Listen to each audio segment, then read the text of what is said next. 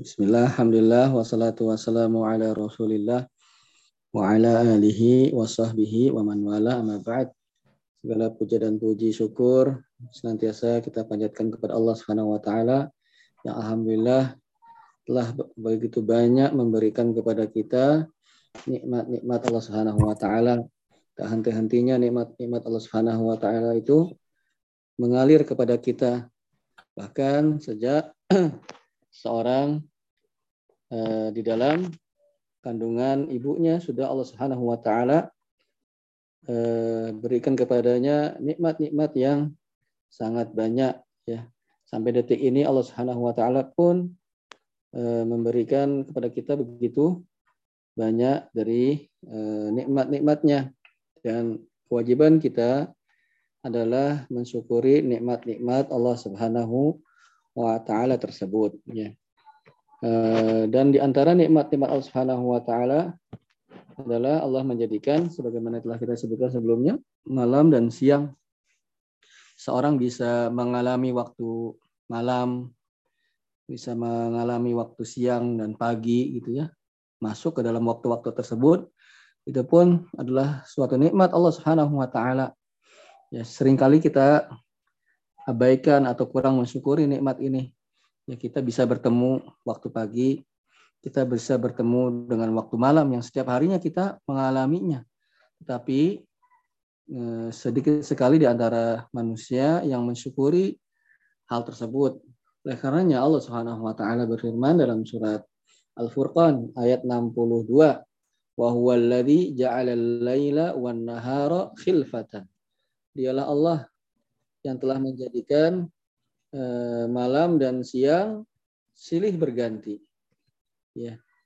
Jadi ada di sana di pergantian antara malam dan siang yang Allah Subhanahu wa taala eh, lakukan, maka di sana ada begitu banyak nikmat. Oleh karenanya Allah Subhanahu wa taala melanjutkan ayat liman arada an yazakkaru au arada syukura. Itu bagi orang-orang yang ingin mengambil pelajaran dan orang-orang yang mau bersyukur. Jadi dalam ayat tersebut dalam surah Al-Furqan tadi yang kita baca ya surah Al-Furqan Allah Subhanahu wa taala mengatakan tadi adalah Allah Subhanahu wa taala yang menjadikan dalam surat ayat 62 ya Al-Furqan ayat 62 menjadikan malam dan siang silih berganti. Ya, banyak di antara manusia yang punya rencana di pagi harinya, malam harinya mau begini, mau pergi ke sana, mempersiapkan ini, mau melakukan itu. Tapi tidak Allah Subhanahu wa taala pertemukan dia dengan waktu malamnya. Sudah Allah Subhanahu wa taala cabut nyawanya di siang harinya. Demikian pula di antara kita dengan manusia ada yang malam harinya berencana besok pagi mau begini, besok pagi mau ke pasar, besok pagi saya mau olahraga, besok pagi mau belanja dan seterusnya, besok pagi mau bertemu ini, bertemu itu, melakukan ini, melakukan itu. Tapi Allah Subhanahu wa taala ambil nyawanya di malam hari. Dia tidak bertemu dengan waktu pagi harinya. Nah, karena itu Allah mengatakan tadi bahwa lagi dan dialah Allah Subhanahu wa taala yang menjadikan ja'alal laila wan nahar khilfatan. Saling silih saling silih berganti. Liman arada an. Bagi siapa saja yang ingin memikirkannya atau arodai syukur atau bersyukur. Oleh karena itu, alhamdulillah kita diberi nikmat oleh Allah Subhanahu wa taala bisa bertemu dengan waktu pagi hari ini. Allah Subhanahu wa taala masih uh, memberikan kesempatan kepada kita di waktu pagi hari ini. Oleh karenanya, maka kita gunakan nikmat yang Allah Subhanahu wa taala berikan kepada kita dalam rangka mensyukurinya. Itu di antaranya dengan cara beribadah kepada Allah Subhanahu wa taala di antaranya dengan melakukan hal-hal yang dicintai dan diridhoi oleh Allah Subhanahu wa taala. Juga di antaranya berupa mempelajari agama ini. Ya. Kemudian sholawat dan salam semoga tercurah kepada Nabi kita Muhammad Sallallahu Alaihi Wasallam, kepada istri beliau, kerabat beliau, sahabat-sahabat beliau, dan orang-orang yang mengikuti mereka dengan baik. Dan dijadikannya kita sebagai umat Nabi Muhammad SAW pun merupakan suatu nikmat yang sangat besar. Dan itu ya, dalam rangka mensyukurinya kita mempelajari apa yang beliau tuntunkan di dalam agama kita ini. Ikhwani wa akhwati fillah rahimani wa rahmatullah. saudara dan saudariku yang dirahmati Allah. Semoga Allah Subhanahu wa taala merahmati kita semua. Melanjutkan pembacaan buku kita yang berjudul Al-Fiqhu Al-Muyassar ya.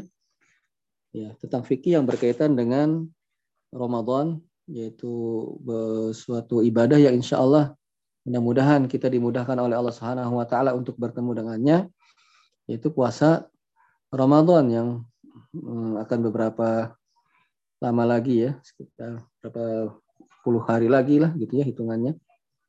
Tidak sampai 100 ya 100 hari itu insya Allah itu akan datang. Dan semoga Allah Subhanahu wa taala memberikan kepada kita kesempatan untuk bertemu dengan Ramadan dan bisa menggunakan uh, Ramadan tersebut waktu-waktu yang ada di dalam Ramadan dalam rangka untuk mendulang uh, amal kebaikan, mengumpulkan pahala sebanyak-banyaknya. Semoga Allah Subhanahu wa taala meridhoi kita dengan hal tersebut. Dan telah kita baca kemarin ya yang berkaitan dengan berpuasa. Jadi berpuasa itu secara bahasa ya kita review sedikit untuk mengingatkan yang kemarin kita baca adalah al-imsak ya. Jadi puasa itu secara bahasa imsak. Imsak itu artinya menahan. Itu secara bahasa. Adapun secara istilah yang disebut dengan berpuasa adalah seorang ya eh, seorang muslim menahan dirinya ya dari hal-hal tertentu yang khusus dengan niat untuk beribadah kepada Allah Subhanahu wa taala mulai dari terbitnya fajar sampai terbenamnya matahari. Itu yang dimaksud dengan puasa secara secara istilah ya. Seorang muslim menahan dirinya dari hal-hal tertentu yaitu pembatal-pembatal puasa maksudnya dengan niat untuk beribadah kepada Allah waktunya mulai dari terbitnya fajar sampai terbenamnya matahari. Kemudian telah kita baca juga kemarin hikmah ya disyariatkannya berpuasa. Ya, yang di antaranya adalah puasanya puasa adalah eh, rahasia antara seorang hamba dengan Allah Subhanahu wa taala. Mungkin dia bisa membohongi orang lain. Ya bahwasanya dia sedang melakukan suatu ibadah yaitu puasa misalnya tapi tidak ada yang tahu karena puasa itu tidak nampak seperti ter, seperti halnya apa namanya sholat berjamaah itu kan kelihatan jelas gitu ya. Adapun puasa bisa dia sembunyi-sembunyi yang melakukan hal yang membatalkan puasa kemudian mengaku seorang tersebut sedang berpuasa. Jadi puasa adalah eh, rahasia antara diri seorang hamba dengan Allah Subhanahu wa taala. Kemudian hikmah yang kemarin kita eh, bacakan pula juga adalah eh, melatih ya kita agar teratur ya, tertata begitu ya. Eh, kemudian menimbulkan rasa kasih sayang kepada sesama gitu ya. Itu di antara hikmah dari berpuasa. Kemudian juga hikmah puasa seorang muslim itu bisa merasakan eh, kesulitan yang dihadapi oleh saudara-saudaranya. Kalau puasa ya tidak makan dari pagi dari mulai terbit matahari sampai terbenamnya Eh, dari terbitnya fajar afan sampai terbenamnya matahari ya dia merasakan cuma sekedar sewaktu itu saja. Walaupun mungkin di antara saudara-saudara kita yang lain kaum muslimin ada yang lebih dari itu dia merahan tidak makan dan tidak minum tidak bisa mendapatkan makanan dan minum. Mungkin beberapa hari ke depan dia belum tentu ya ada kejelasan bisa makan atau tidak atau bisa minum atau tidak. Nah itu berarti pelatih kita juga oh ternyata ya lapar itu cuma beberapa jam saja dan haus itu yaitu e, merepotkan, menyusahkan ya apalagi bagaimana keadaan orang-orang atau saudara-saudara kita yang yang lebih dari itu tidak mendapatkan makan dan minumnya. Maka seorang muslim itu bisa merasakan apa yang dirasakan oleh e, saudara-saudaranya berupa kesulitan. Kemudian juga hmm, puasa adalah latihan ya aplikatif ya untuk menahan diri kita dari hal-hal yang berat ya hal-hal yang diperintahkan oleh Allah Subhanahu wa taala maka dilatih dengan apa namanya dengan berpuasa untuk bisa bersabar untuk bisa menahan jiwa kita. Nah, itu kemarin kalau nggak salah sampai situ ya. Maka kita akan teruskan atau lanjutkan ya pada halaman 12 ya. Ya, terus di halaman terus di bawahnya bagian bawah. Nah, op. Nah itu. Ya. Fadailus siyam. Qala hafizahullah taala berkata para penulis hafizahumullah taala semoga Allah menjaga mereka. Fadailus siyam, keutamaan-keutamaan berpuasa. Nah, mudah-mudahan dengan keutamaan ini semakin memotivasi kita ya untuk bisa melakukan puasa nanti insya Allah taala. Di syahri Ramadhan uh, bulan Ramadan ya, fadailu kathiratun memiliki banyak keutamaan-keutamaan. Di antaranya apa? Ja'a fil hadis sahih. Ya, telah datang keterangan hal itu dalam hadis yang sahih, yang valid, yang akurat. Ya. Kok tahu sebuah hadis itu sahih, akurat, valid atau tidak? Ada ilmunya sendiri, ilmu hadis namanya. Dan tidak dimiliki ilmu ini dalam agama yang lain tidak ada. Ya berkaitan dengan hadis. Ya, ditelusuri siapa yang mengatakannya sampai Rasulullah SAW. Dari mulai yang mencatat sampai kepada Rasulullah SAW. Kemudian biografinya tercatat baik oleh para ulama. Ya, apabila ada yang jujur, bagaimana apabila ada yang dusta, bagaimana ditulis oleh lengkap oleh para ulama. Ya. Dan tidak ada ilmu yang seperti itu dimiliki dalam agama yang lain kecuali dalam Islam ilmu hadis. Bisa bisa mengetahui validitas perkataan seseorang. Ya, ada narawi dan seterusnya itu dipelajari oleh eh, atau dalam ilmu hadis. Ada sebuah hadis yang sahih yang diriwayatkan oleh Imam Al Bukhari dan Imam Muslim. Ya, beliau adalah dua pencatat hadis. Ya. Dalam kitabnya Sahih Bukhari dan Sahih Muslim, "Idza jaa Ramadan", jikalau bulan Ramadan telah datang, futihat abwabul jannati, maka akan dibuka pintu-pintu surga. Wa gulliqat dan akan ditutup abwabun nari, pintu-pintu neraka. Wasuf wasuf apa ini? wasufidatis sayatin dan akan dibelenggu setan-setan.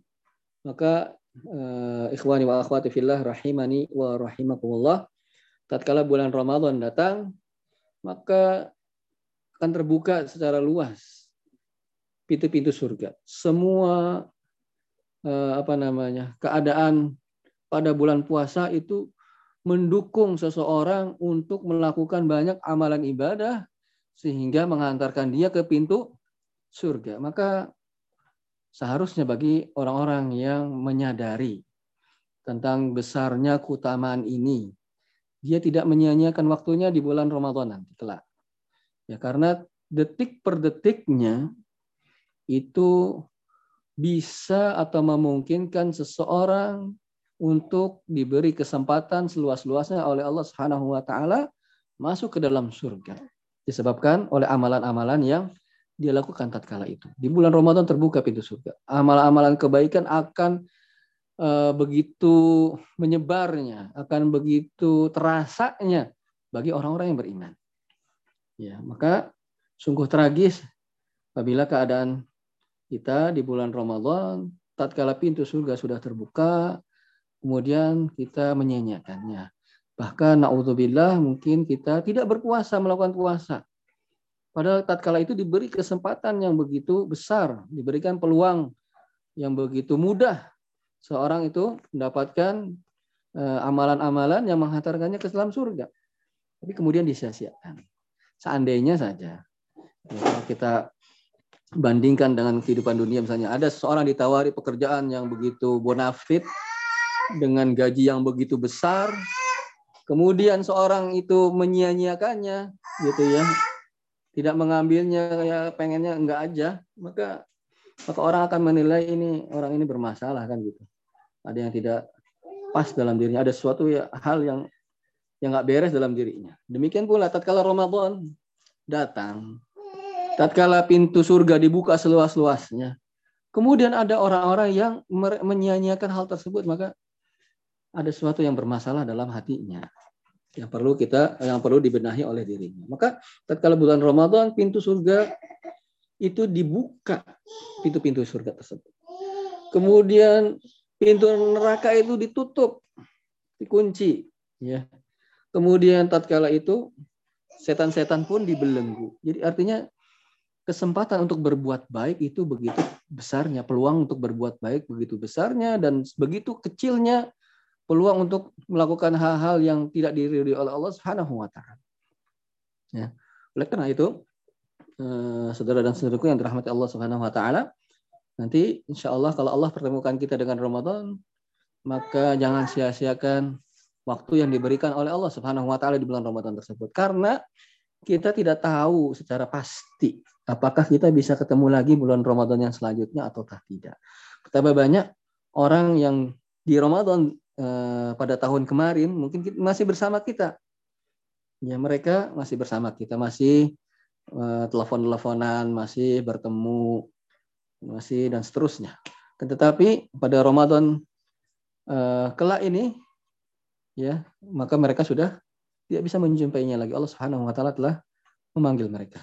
Oleh karena itu, eh, bagi orang-orang yang eh, menyadari tentang begitu besarnya keutamaan Ramadan, di bulan Ramadan pintu surga Allah bukakan seluas-luasnya, selebar-lebarnya semua pintu-pintu surga Allah Subhanahu wa taala buka agar mudah seseorang bisa memasukinya, maka tidak selayaknya dan sepatutnya seorang muslim yang ya, menyadari hal ini ya untuk menyanyikannya. Di Bapak-bapak yang rahmat Allah Subhanahu wa taala, tatkala Ramadan, maka semua pintu pintu surga itu terbuka, pintu-pintu neraka itu tertutup dan setan-setan itu dibelenggu oleh Allah Subhanahu wa taala. Kemudian wa min tilkal fadailu eh wa min tilkal fadaila eli afan wa min tilkal fadaili dan di antara keutamaan-keutamaan puasa. Nah ini yang pertama, mudah-mudahan bisa memotivasi kita untuk bisa lebih lagi uh, meyakini atau merenungi atau meresapi ibadah yang insya Allah akan kita lakukan tersebut adalah annahu wiqayatun lil muslimi. Bahwasanya puasa adalah perisai. Ya, nomor satu itu annahu wiqayatun. Bahwasanya puasa adalah perisai, adalah tameng, adalah pelindung lil muslimi bagi seorang muslim minal wuku'i dari terjatuh fil ismi di dalam dosa. Jadi di antara hal yang mencegah seseorang itu untuk berbuat dosa adalah berpuasa. Berpuasa merupakan perisai, merupakan tameng, merupakan suatu hal yang menghalangi dirinya dengan kemaksiatan kepada Allah Subhanahu wa taala. Apa landasannya? Fa'an Abi Hurairah dari Abi Hurairah seorang sahabat semoga Allah meridhai beliau qala beliau berkata qala Rasulullah sallallahu alaihi wasallam. Bersabda Rasul sallallahu alaihi wasallam asyamu junnatun. Puasa adalah perisai. Asyamu junnatun. Puasa adalah layaknya suatu perisai. Fa'idha kana yaum yaumu saumi ahadikum dan jikalau suat pada hari salah seorang di antara kalian berpuasa fala yarfus. Janganlah dia berkata kotor. Yauma idin saat itu. Wala yaskhab dan juga berteriak-teriak. Marah dan seterusnya jangan teriak-teriak. Fa in sabahu ahadun kalaulah ada orang yang mencelaknya au qatalahu atau mengajaknya bertikai fal yakul maka hendaknya dia mengatakan inim ruun imun sungguhnya saya sedang berpuasa. Maka bapak-bapak dan ibu-ibu yang dirahmati Allah di antara puasa, di antara keutamaan puasa, bahwasanya puasa itu membentengi seseorang dari kemaksiatan. Kalau orang yang berpuasa, ya dia lapar ya, atau haus, atau dua-duanya lapar dan haus sekaligus. Nah, kalau seorang lapar dan haus, ya maka keinginan-keinginan, ya normalnya ya, kalau nggak normal beda. Normalnya keinginan-keinginan untuk Eh, bermaksiat kepada Allah Subhanahu wa taala itu berkurang. Karena ingatnya sama perutnya. Ingatnya sama kerongkongannya yang haus, yang kering.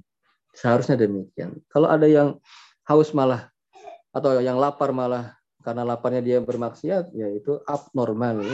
Seorang yang normal, ya yang biasa-biasa saja, uh, memiliki kepribadian yang biasa-biasa saja, yang normal. Seandainya dia lapar dan haus, ya dia terpikirnya ya sama laparnya dan hausnya. Nah, karena itu dalam hadis tersebut Rasulullah mengatakan asyamu junnatun. Puasa itu adalah perisai. Karena orang berpuasa tidak hanya menahan makan dan minum saja ya.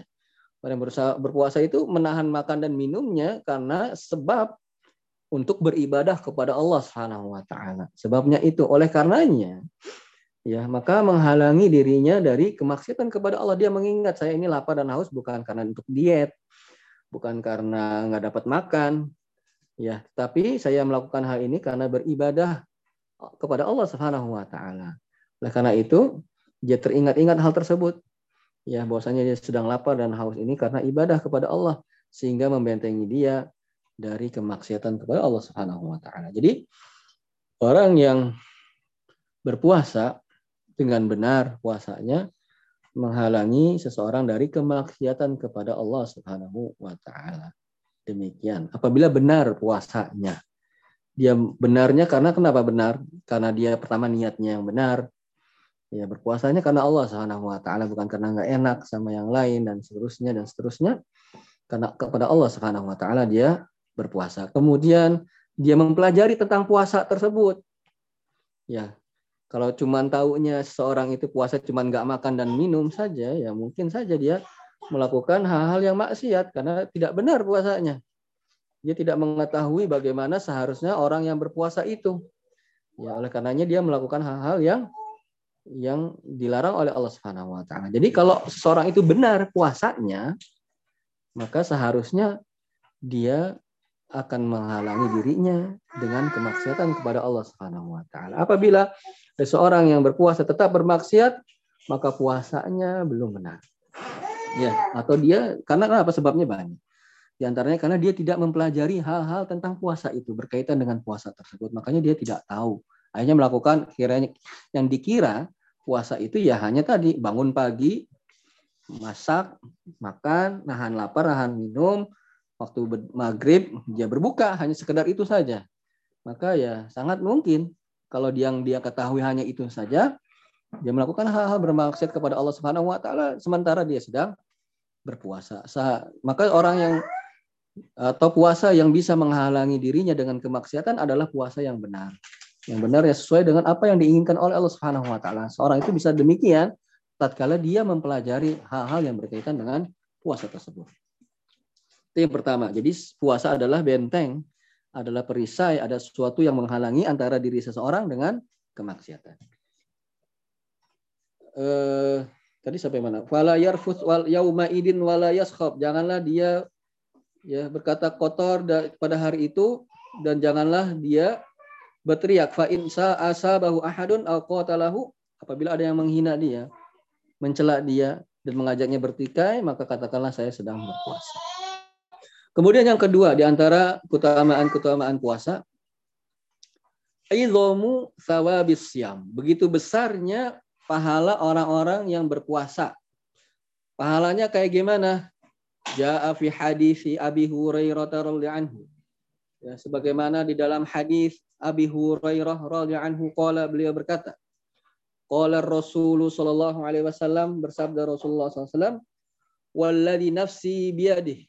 Demi zat yang jiwaku berada di tangannya. Maksudnya demi Allah kata Rasulullah SAW. Demi Allah begitu la khulufu famis saimi bau mulut orang yang berpuasa at yabu indallah lebih wangi di sisi Allah min rihil miski daripada minyak misik.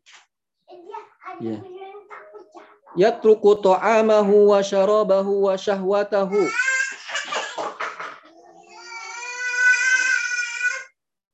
Dia meninggalkan makan, minum dan syahwatnya min min ajli karena aku kata Allah Asyamuli wa ana ajzibihi dan puasa itu untukku dan akulah yang akan membalasnya. Wal hasanatu bi asyri amsalihha dan kebaikan itu akan dilipat gandakan sampai 10 kali lipatnya. Jadi ya bau mulut orang puasa saja ya.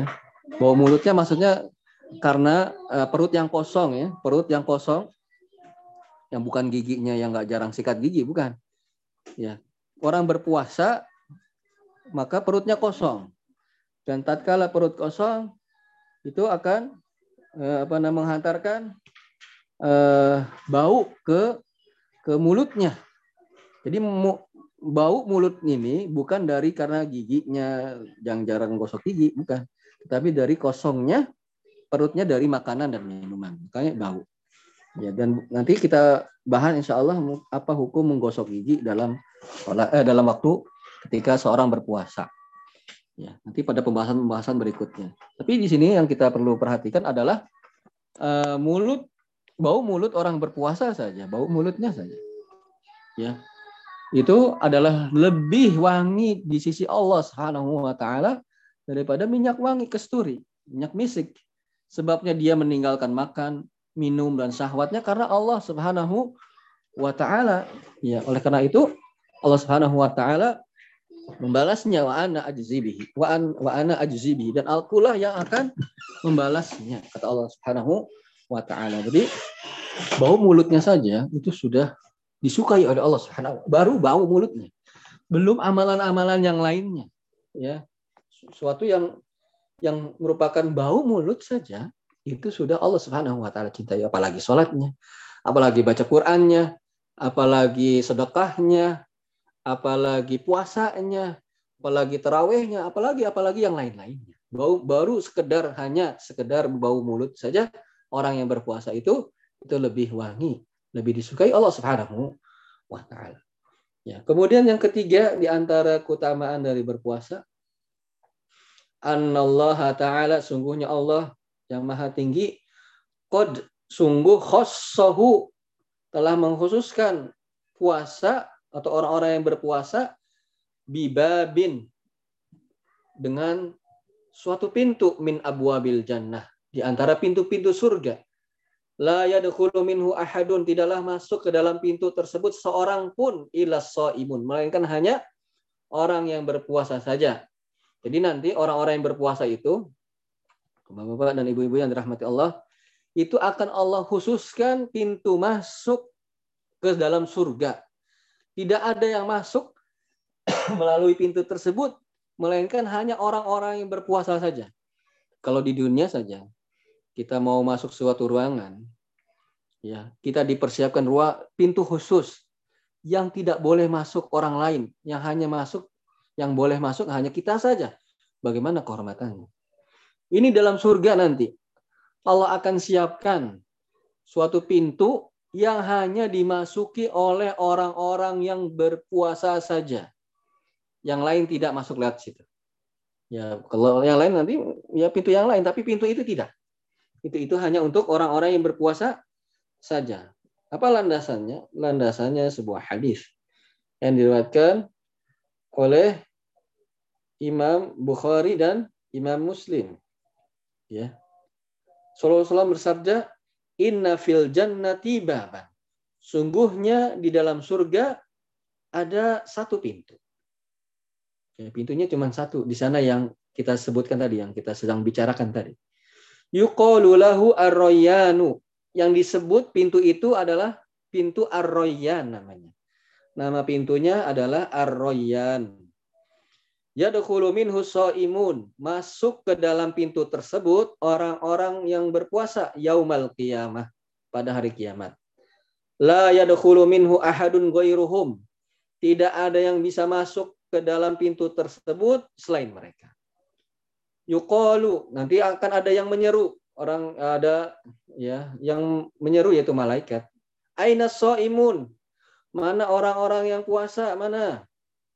Fayaqumun maka orang-orang yang puasa pun berdiri mereka la yadkhulu minhu ahadun ghairuhum tidak ada yang bisa masuk kecuali mereka fa idza dakhalu kalau mereka sudah masuk orang-orang yang berpuasa pintu lewat pintu arroyan tadi, ugliqa maka ditutuplah pintu tersebut.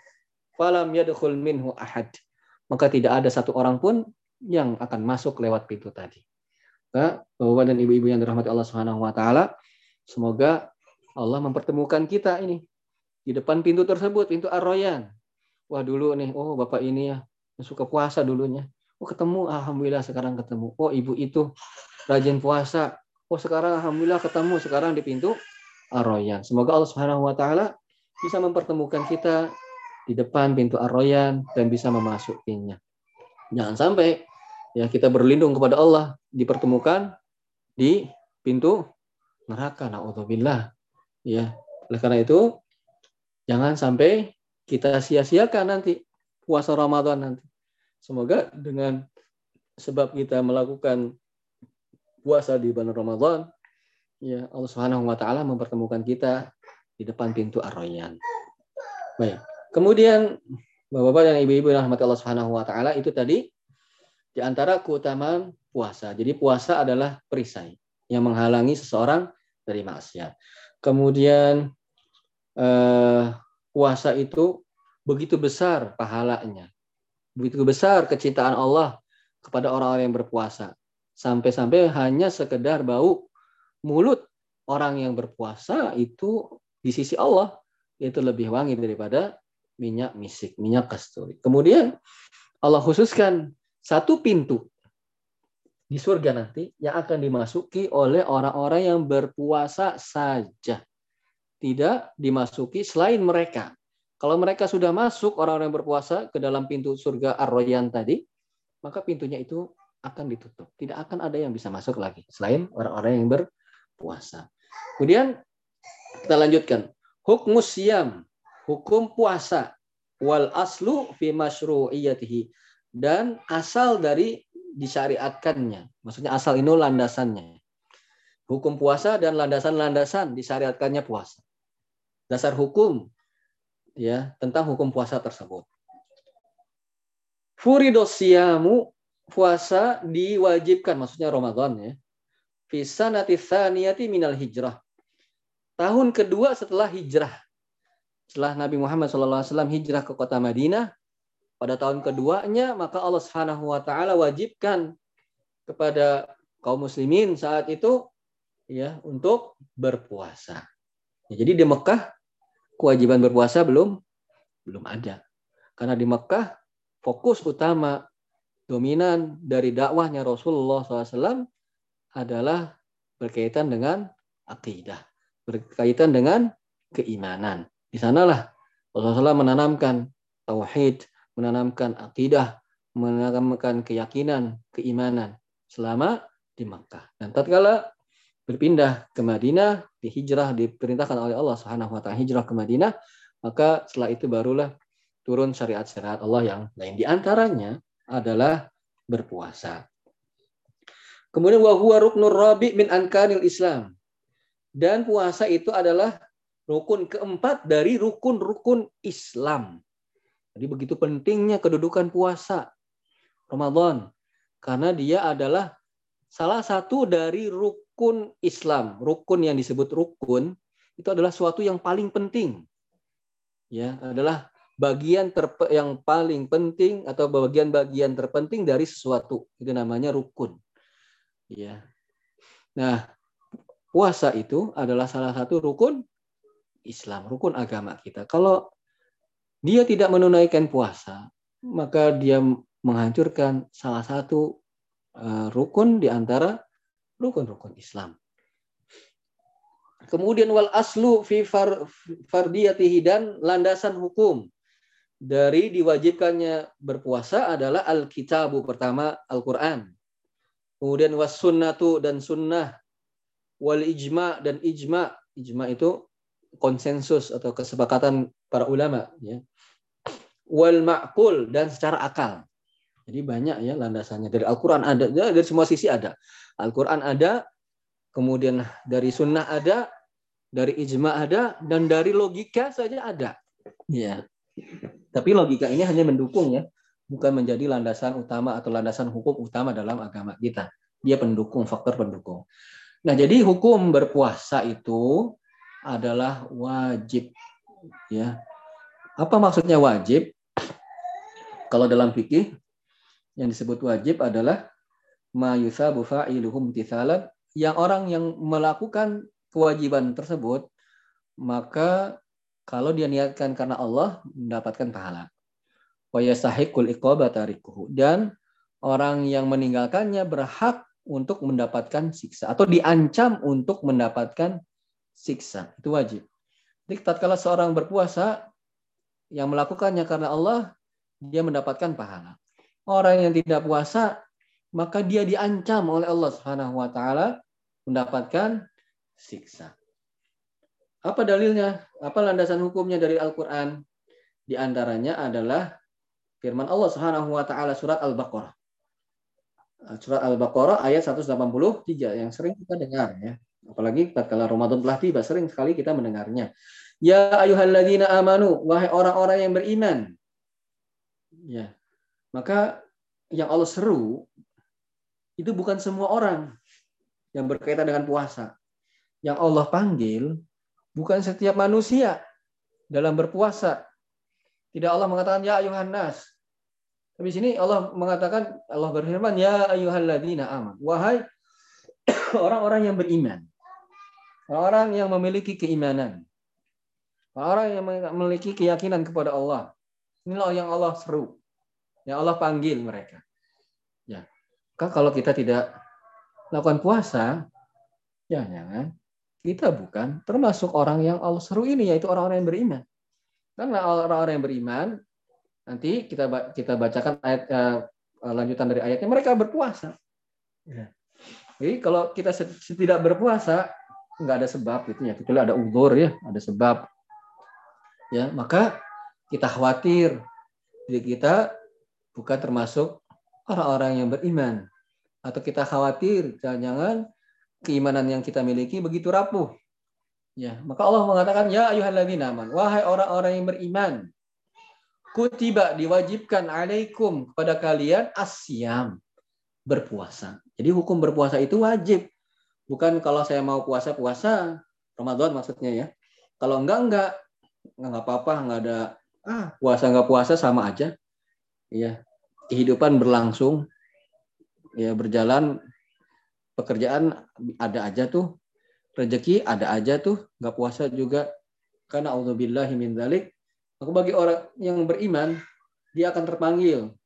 Ya sebagaimana dalam ayat ini ya ayyuhalladzina aman.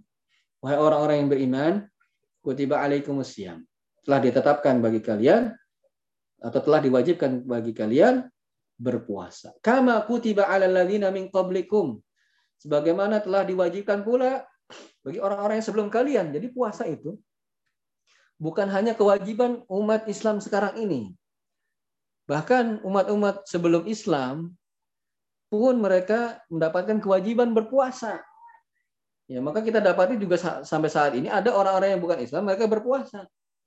Ya, karena memang syariat puasa ini ya sebelum ya, kedatangan umat Islam ini Allah Subhanahu wa taala pun telah mewajibkan kepada umat sebelum kita. Kama kutiba 'alal ladzina min qablikum. Sebagaimana telah diwajibkan kepada orang-orang sebelum kalian la'allakum tattaqun. Mudah-mudahan kalian menjadi orang yang bertakwa. Jadi sekali lagi yang dipanggil, yang diseru agar mereka melakukan puasa adalah orang-orang yang beriman. Orang-orang yang bertakwa. Ya. Jadi wahai orang-orang yang beriman, kalau seandainya kita memiliki keimanan, maka kita berpuasa. Karena Allah memanggil ini dalam ayat ini, yang panggil adalah orang-orang yang beriman.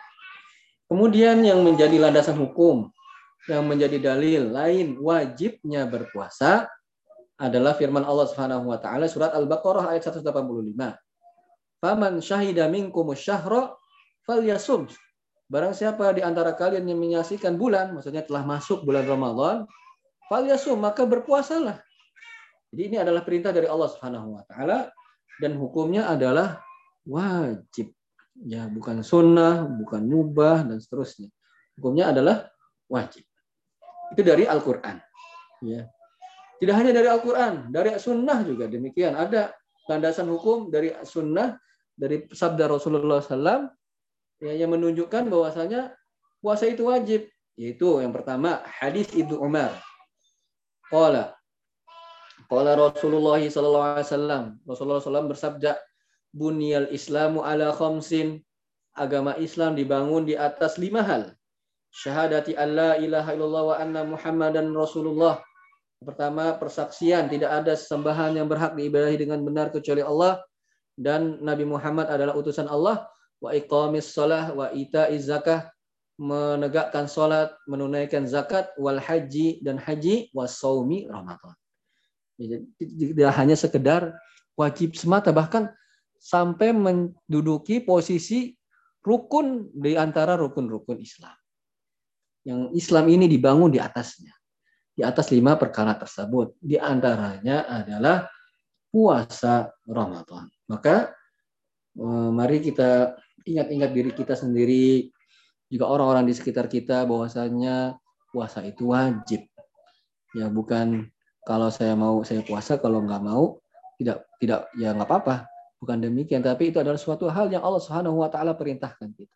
Dan yang Allah perintahkan itu baik sebetulnya. Semua yang Allah perintahkan kepada kita semuanya baik. Tidak ada Allah memerintahkan agar kita itu binasa. Ya, tidak ada. Itu untuk kepentingan kita, untuk kebaikan diri kita.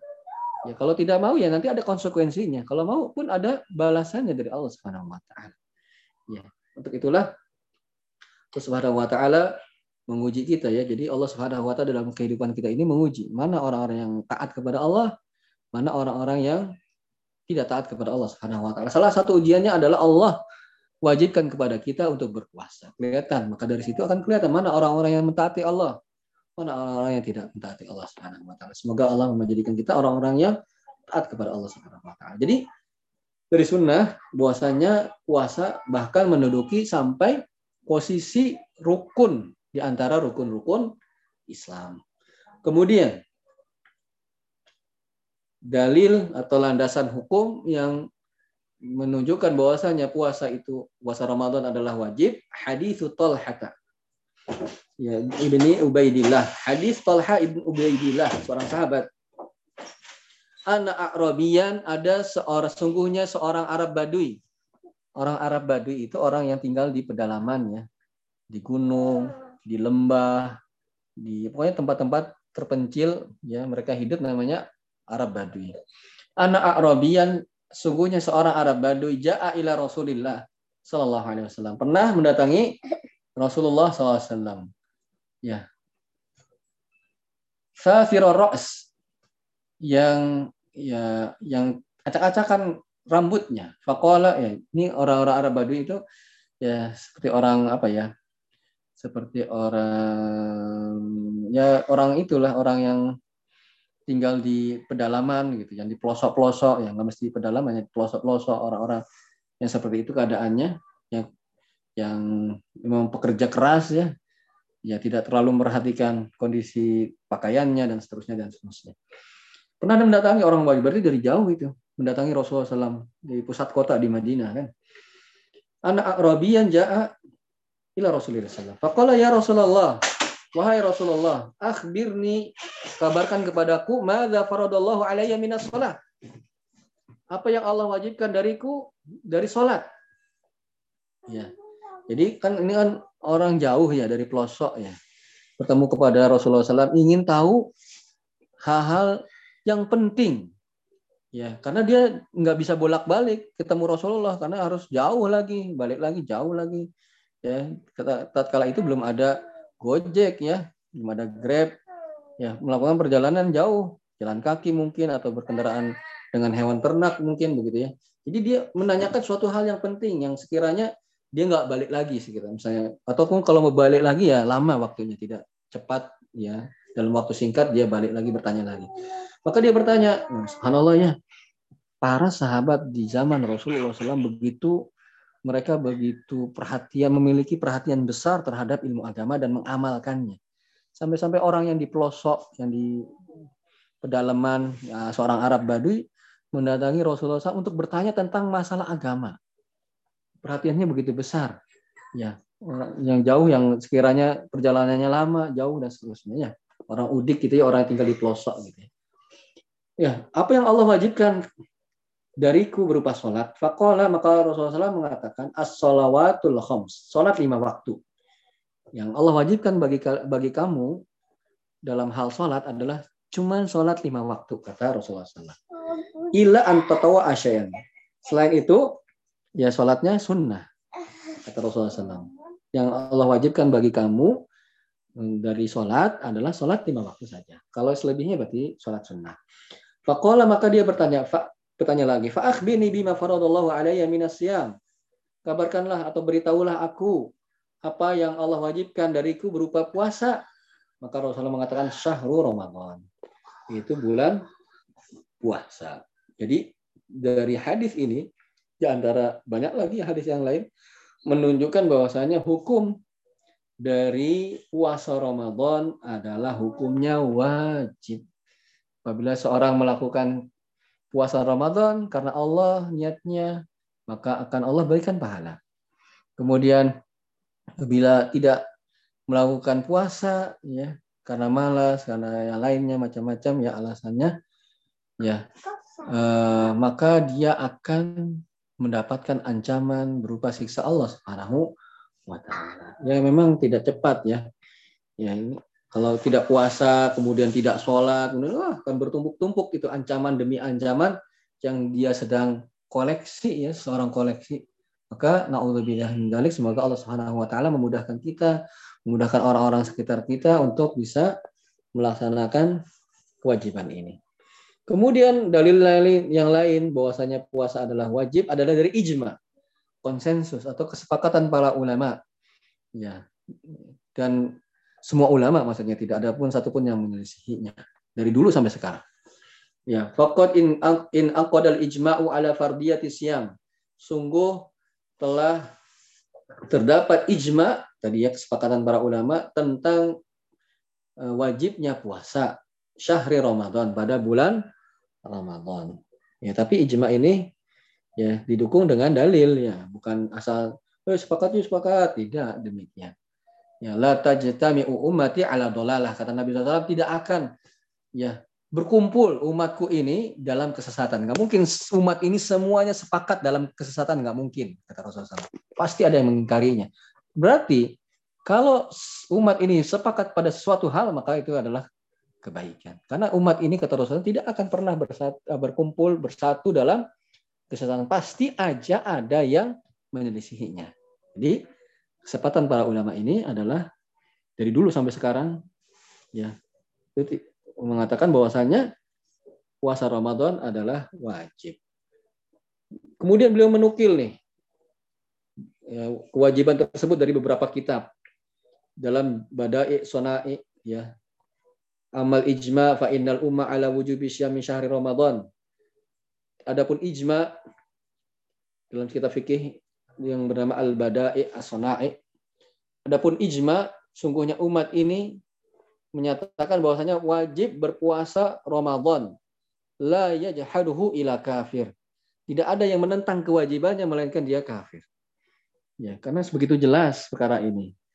Orang awam pun tahu kalau puasa Ramadan itu wajib. Kemudian, ah saya nggak mau. Puasa apa itu puasa tidak wajib, maka khawatir hal tersebut bisa mengeluarkan dirinya dari keislaman. Dikhawatirkan demikian. Karena itu adalah sesuatu yang maklum minadin bidorurah. Suatu yang dalam agama ini diketahui oleh banyak orang.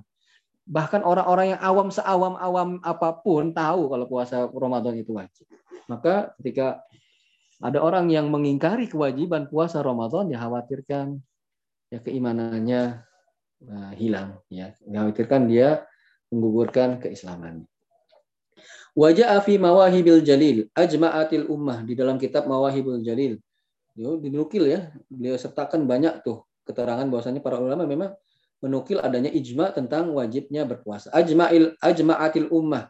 Umat ini ijma sepakat ala wujubi siam syahri Ramadan. Wajibnya puasa Ramadan. Faman jahada wujubahu barang siapa yang mengingkari kewajibannya fahuwa murtadun. Maka dia murtad. Kalau orang mengingkari, ya, tadi mendukung tadi yang dikatakan dalam Al-Bada'i As-Suna'i. Wa man amin saumihi kalau dia tidak melakukan puasanya ma'al iqrari bi wujubihi padahal dia mengakui wajibnya puasa tersebut kutila haddan maka dia dibunuh alal masyhur min madhab Malik. Tuh, Masya Allah dalam madhab Malik ya hukumannya berat sekali ya. Masya Allah. Kemudian wajah fi nihayatil muhtaj. Yajibu som Ramadan ijma'an. Kita ya, kalau tidak salah ini madhab Syafi'i. Wajib puasa Ramadan itu secara ijma' wajah fil mugni ini madhab Hambali. Fa ajma al muslimun ala wujubi syam syahri Ramadan.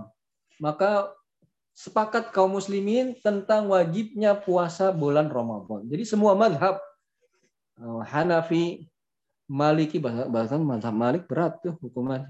Kemudian uh, Syafi'i, Hambali semuanya menyatakan adanya ijma tentang wajibnya berpuasa di bulan Ramadan. Wa amal ma'kul, adapun secara akal tentang wajibnya bulan Ramadan, puasa Ramadan. Fayat tadihul dalika min wujuh, maka menjadi jelas hal tersebut dari beberapa sisi. Pertama, kenapa kita wajib secara akal ya berpuasa Ramadan? Anna sauma bahwasanya puasa sababun adalah sebab li syukrin nikmah untuk mensyukuri nikmat. Jadi puasa itu adalah salah satu bentuk kita mensyukuri nikmat Allah. Zalika hal itu annakufan nafsi menahan jiwa anil akli wasyarab mendari makan dan minum wal jima dan bergaul suami istri zamanan muayyanan pada waktu tertentu ya'rifu bihil muslim yang diketahui oleh seorang muslim qadron ni'am allati yamtani ubiha. Maka dia akan mengetahui kadar nikmat yang dia tidak bisa peroleh saat itu. Kan ada nih orang yang berpuasa itu kan tidak makan dan minum. Maka dia begitu mensyukuri nikmat makan dan minum tersebut karena dia tahu rasanya lapar dan haus. Maka puasa adalah bentuk syukur kita kepada Allah Subhanahu wa taala. Kemudian yang kedua, secara akal. Kenapa puasa itu wajib? Karena dia adalah wasilah ila takwa. Karena puasa adalah perantara untuk menuju ketakwaan. Makanya Allah Subhanahu wa taala berfirman, "La'allakum tattaqun ya ayyuhalladzina amanu kutiba alaikumusiyam kama kutiba alal ladzina min qablikum la'allakum tattaqun." Ya adalah sarana menuju takwa pada Allah Subhanahu wa taala. Yang ketiga, Kenapa secara akal puasa itu diwajibkan? An-nafis kasron li syahwat. Puasanya dalam puasa itu mematahkan keinginan yang jelek yaitu syahwat. Di anna nafsa idza syabi'at wa tamanat syahwat. Jikalau orang itu kalau kalau sudah kenyang dia itu menginginkan syahwat. Wa idza ja'at kalau dia lapar imtanaat amma tahwa, maka dia tercegah dari sesuatu yang dia inginkan, syahwat yang dia inginkan, listigoliha bitola bito'am. Karena dia sibuk untuk memikirkan bagaimana caranya mendapatkan makanan. Jadi kembali kita ulangi bahwasanya hukum puasa itu adalah wajib, bukan sunnah, bukan makruh, bukan mubah, ya, tapi hukumnya wajib. Ya, dan bahkan para ulama sepakat tuh ijma semua madhab dalam Islam bahwasanya puasa itu hukumnya wajib. Sampai-sampai mengingkari kewajiban berpuasa berbahaya bagi diri seorang. Bisa menghantarkan dari rusaknya keislamannya. Karena itu adalah suatu yang hal yang diketahui di dalam agama Islam secara umum seperti orang Islam itu beribadahnya kepada Allah itu suatu yang telah diketahui orang yang paling sebodoh-bodohnya dalam Islam pun tahu. Demikian pula halnya dengan puasa Ramadan. Maka bermasalah bagi orang-orang yang mengingkari kewajiban. Ya, karena begitu banyak ayatnya, begitu banyak hadisnya, para ulama sudah bersepakat tentang hal tersebut, ya maka uh, merupakan suatu hal yang sangat membahayakan dari keimanan seorang tatkala dia mengingkari ya melawan hukum wajibnya berpuasa. Nauzubillahi min dzalik. Ya. Kemudian eh, setelah itu akan dibahas tentang rukun-rukun dalam berpuasa. Tapi Mungkin kita cukupkan dulu pada pagi kali ini. Insya Allah pertemuan kita tentang uh, tadi ya kita ulang review lagi kembali singkat ya tentang hukum berpuasa bahwasanya eh, eh, apa dari keutamaan berpuasa dulu ya. Berpuasa puasa adalah puasa. Kalau benar seseorang berpuasa puasanya benar maka menghalanginya dari kemaksiatan kepada Allah. Bagaimana seorang bisa benar puasanya? Dia mempelajari bagaimana puasa tersebut. Bagaimana puasa yang benar itu. Maka dia baru bisa benar puasanya. Dia mengamalkan apa yang dia telah pelajari tersebut maka akan benar. Kalau benar puasanya, maka akan mencegah seorang dari berbuat maksiat. Kemudian begitu besar kedudukan puasa di sisi Allah Subhanahu wa taala. Bahkan sampai bau mulutnya saja, belum yang lain, baru bau mulutnya saja sudah lebih wangi di sisi Allah daripada minyak wangi kasturi. Kemudian keutamaan puasa yang lain bahwasanya akan dikhususkan di surga nanti suatu pintu yang hanya dimasuki oleh orang yang berpuasa yang disebut dengan arroyan. Kemudian dalil-dalil tentang hukum berpuasa, wajibnya hukum berpuasa, surat Al-Baqarah, Ya ayuhalladzina amanu, kutiba alaikumusiyam, kama kutiba ala ladzina min qablikum la'allakum tatakun. Kemudian dalam sunnah, bahkan uh, puasa adalah salah satu rukun di antara rukun-rukun Islam yang lima. Di antaranya adalah berpuasa Ramadan. Kemudian ijma para ulama dalam semua madhab, semua ulama ya bersepakat bahwasanya berpuasa Ramadan hukumnya adalah wajib. Dan secara akal juga bahwasanya tadi puasa adalah salah satu bentuk syukur kita kepada Allah.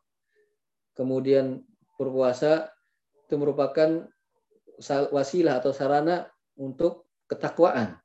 Kemudian berpuasa itu eh, bisa menahan syahwat, bisa mengekang syahwat seseorang.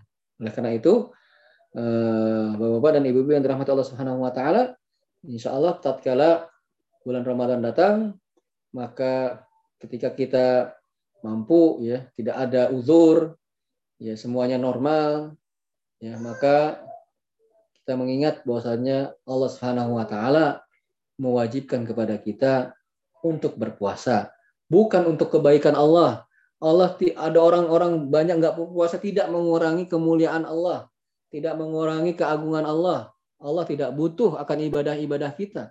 Akan tetapi kitalah yang butuh ibadah-ibadah kepada Allah agar kita bisa mendekatkan diri kita kepada Allah. Semoga Allah meridhoi kita, kemudian Allah memudahkan kita untuk bisa memasuki surganya. Karena itu kita yang butuh. Allah orang mau puasa mau enggak enggak akan berkurang kebesaran Allah. Tidak akan berkurang ke Allah Subhanahu wa taala. Semuanya orang juga nggak mau berpuasa nggak ada ruginya Allah Subhanahu wa taala. Bukan kita lah yang membutuhkan hal tersebut. Karena itu, sekali lagi marilah kita memotivasi diri kita, memotivasi orang-orang sekitar kita yang mereka sudah wajib untuk melakukan puasa, agar mereka berpuasa yang merupakan salah satu kewajiban di antara kewajiban-kewajiban agama ini. Allahu a'lam Apabila ada yang mau disampaikan, kami persilahkan apabila uh, kami bisa menjawabnya, kami bersyukur kepada Allah. Apabila kami tidak mampu menjawabnya, kami mohon dimaklumi atas sedikitnya ilmu yang ada pada diri kami. Allah alam. Sebelum Ustaz, izin bertanya Ustaz. Ya, Tadi yang disampaikan Ustaz itu berlaku untuk semua jenis puasa, baik puasa Ramadan maupun puasa sunnah lainnya Ustaz. Baik. Yang tadi dijelaskan adalah berkaitan dengan puasa-puasa wajib saja. Karena nanti kita akan pelajari selanjutnya pembagian puasa. Puasa itu ada yang wajib, ada yang sunnah. Nah yang tadi kita sampaikan itu berkaitan tentang hukum wajibnya berpuasa. Tentu saja pada puasa-puasa yang wajib. Bukan berlaku tadi yang kita sampaikan, bukan berlaku pada puasa-puasa yang hukumnya sunnah. Karena nanti akan ada pembagian dari puasa tersebut, yaitu puasa ada yang wajib, di antara puasa wajib ada apa-apa saja, Nanti kita akan sampaikan kemudian puasa-puasa yang sunnah apa saja. Jadi yang tadi kami sampaikan adalah berkaitan dengan puasa yang wajib, bukan berkaitan dengan puasa-puasa yang sunnah. Gitu. Bisa diikuti Bapak Rifai? Kalau yang terkait pintu surga Aroyan itu puasa wajib atau semua oh. puasa? Kalau yang berkaitan, kalau itu, kalau yang keutamaan berpuasa, kalau pada keutamaan yang berpuasa yaitu pintu Arroyan, itu adalah pada puasa semua jenis puasa, puasa wajib dan puasa sunnah. Ya, kalau yang itunya ya, kalau tentang hukum wajibnya berpuasa itu pada tentu saja pada hukum-hukum puasa yang yang wajib. Adapun keutamaan-keutamaan dari berpuasa itu mencakup puasa secara umum, yaitu puasa yang wajib dan puasa yang sunnah. Kalau berkaitannya dengan keutamaan-keutamaan puasa. Jadi kembali diulang, kalau berkaitannya dengan keutamaan puasa, maka itu berlaku untuk puasa secara umum mutlak baik yang puasanya wajib dan puasanya yang sunnah. Adapun tadi yang kita sampaikan berupa kewajiban-kewajiban dalam berpuasa yang dimaksud tentu saja adalah pada puasa-puasa yang wajib. Ya, yang tadi merupakan ijma, yang merupakan ayat surat Al-Baqarah tadi, kemudian dan seterusnya tadi yang dari sunnah itu berkaitan dengan puasa wajib. Jadi kan tadi ada dua pembahasannya keut, apa, keutamaan puasa dan hukum puasa. Ketika kita membahas keutamaan berpuasa, maka itu berlaku untuk puasa secara umum, baik yang wajib dan pula yang sunnah. Tatkala kita membahas hukum berpuasa, itu yang dimaksudkan adalah hukum berpuasa yang wajib, bukan puasa yang sunnah. Bisa diikuti? Ustaz. Syukran jazakallah. Wa anta khair. Jadi dalam keutamaan-keutamaan itu berlaku umum. Puasa-puasa sunnah pun demikian. Pintu aroyan pun demikian. Orang-orang yang berpuasa itu orang-orang yang banyak puasanya, yang sering berpuasa. Di antara puasanya termasuk puasa-puasa wajib tentu saja. Itu. Allah alam. Karena nanti bapak yang dirahmati Allah Subhanahu wa taala dan ibu-ibu yang dirahmati Allah ya ada beberapa puasa yang wajib yang bukan hanya sekedar uh, puasa Ramadan saja, ya. Ada puasa memang yang kita sering kenal dan lebih familiar, yang lebih kita kenal adalah puasa Ramadan gitu. Tapi ada nanti puasa-puasa yang lain ternyata wajib selain Ramadan. Kalau puasa sunnah banyak, sebagaimana kita telah biasa mendengarnya, mengetahuinya. Ya, demikian. Allah alam. Ada lagi yang mau disampaikan bapak-bapak dan ibu-ibu yang dirahmati Allah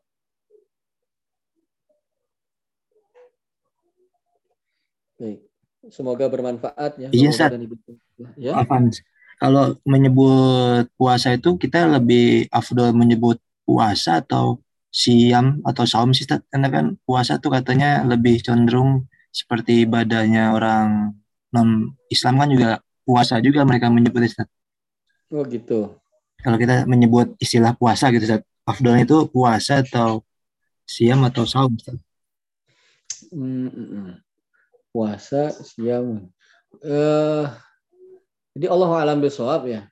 Uh, kalau kita sebut puasa maka yang kita maksudkan adalah puasa yang tadi yang secara syar'i ya. Yang imsakul muslim seorang itu uh, seorang muslim itu menahan sesuatu dan seterusnya tadi yang kita sebutkan. Adapun secara penyebutan Allah alam bisawab ya apabila kita bisa sebutkan dengan istilah syar'inya yaitu saum dan siam itu lebih baik. Tapi kalau kita sebut puasa, apakah ada larangan kita bilang puasa itu atau tidak boleh kita ngomong atau menggunakan istilah puasa, maka saya tidak mengetahui ada larangan itu. Saya tidak mengetahui ada larangannya kita tidak boleh menggunakan istilah puasa itu. Tapi uh, Allah alam bisawab kalau lebih baik ya tentu saja kita menggunakan istilah-istilah yang sebagaimana uh, dinyatakan dalam Al-Quran dan Sunnah ya. Seperti puasa ya som atau siam. Sholat ya sholat bukan sembahyang dan seterusnya kan gitu ya. Itu yang yes, memang tidak diragukan lagi. Maksudnya itu adalah lafat-lafat syar'i itu ada istilah-istilah yang syar'i. Ya kalau lebih baiknya demikian. Tapi kalau kita menggunakan istilah puasa, saya tidak mengetahui ada larangan hal tersebut. Allah alam. Uh, tapi di, suatu daerah tertentu, contohnya di Sunda itu sudah umum bilangnya saum. Lagi saum apa enggak? Ya, di Sunda ya. Kalau bilang puasa itu saum.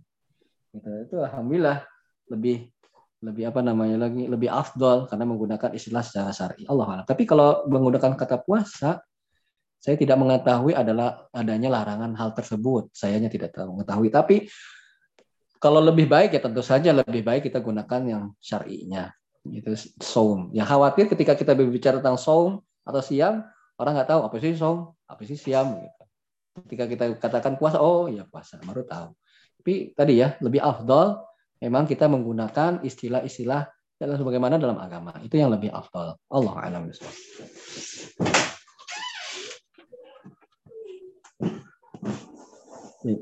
Sand, ada lagi Bapak-bapak, Ibu-ibu yang mau disampaikan? Baik, kalau tidak ada yang disampaikan, semoga bermanfaat. Semoga Allah Subhanahu wa taala mempertemukan kita dengan Ramadan dan memberikan kita kemudahan dan kesempatan dan kesehatan untuk bisa melakukan puasa sehingga Allah Subhanahu wa taala bisa mengumpulkan kita kelak nanti insya Allah wa taala di pintu Ar-Rayyan. Allah alam bisawab. Subhanakallahumma wa bihamdika asyhadu an la ilaha illa anta astaghfiruka wa atubu Terima kasih atas kehadirannya. Subhanallah. Wassalamualaikum warahmatullahi wabarakatuh. Waalaikumsalam warahmatullahi wabarakatuh.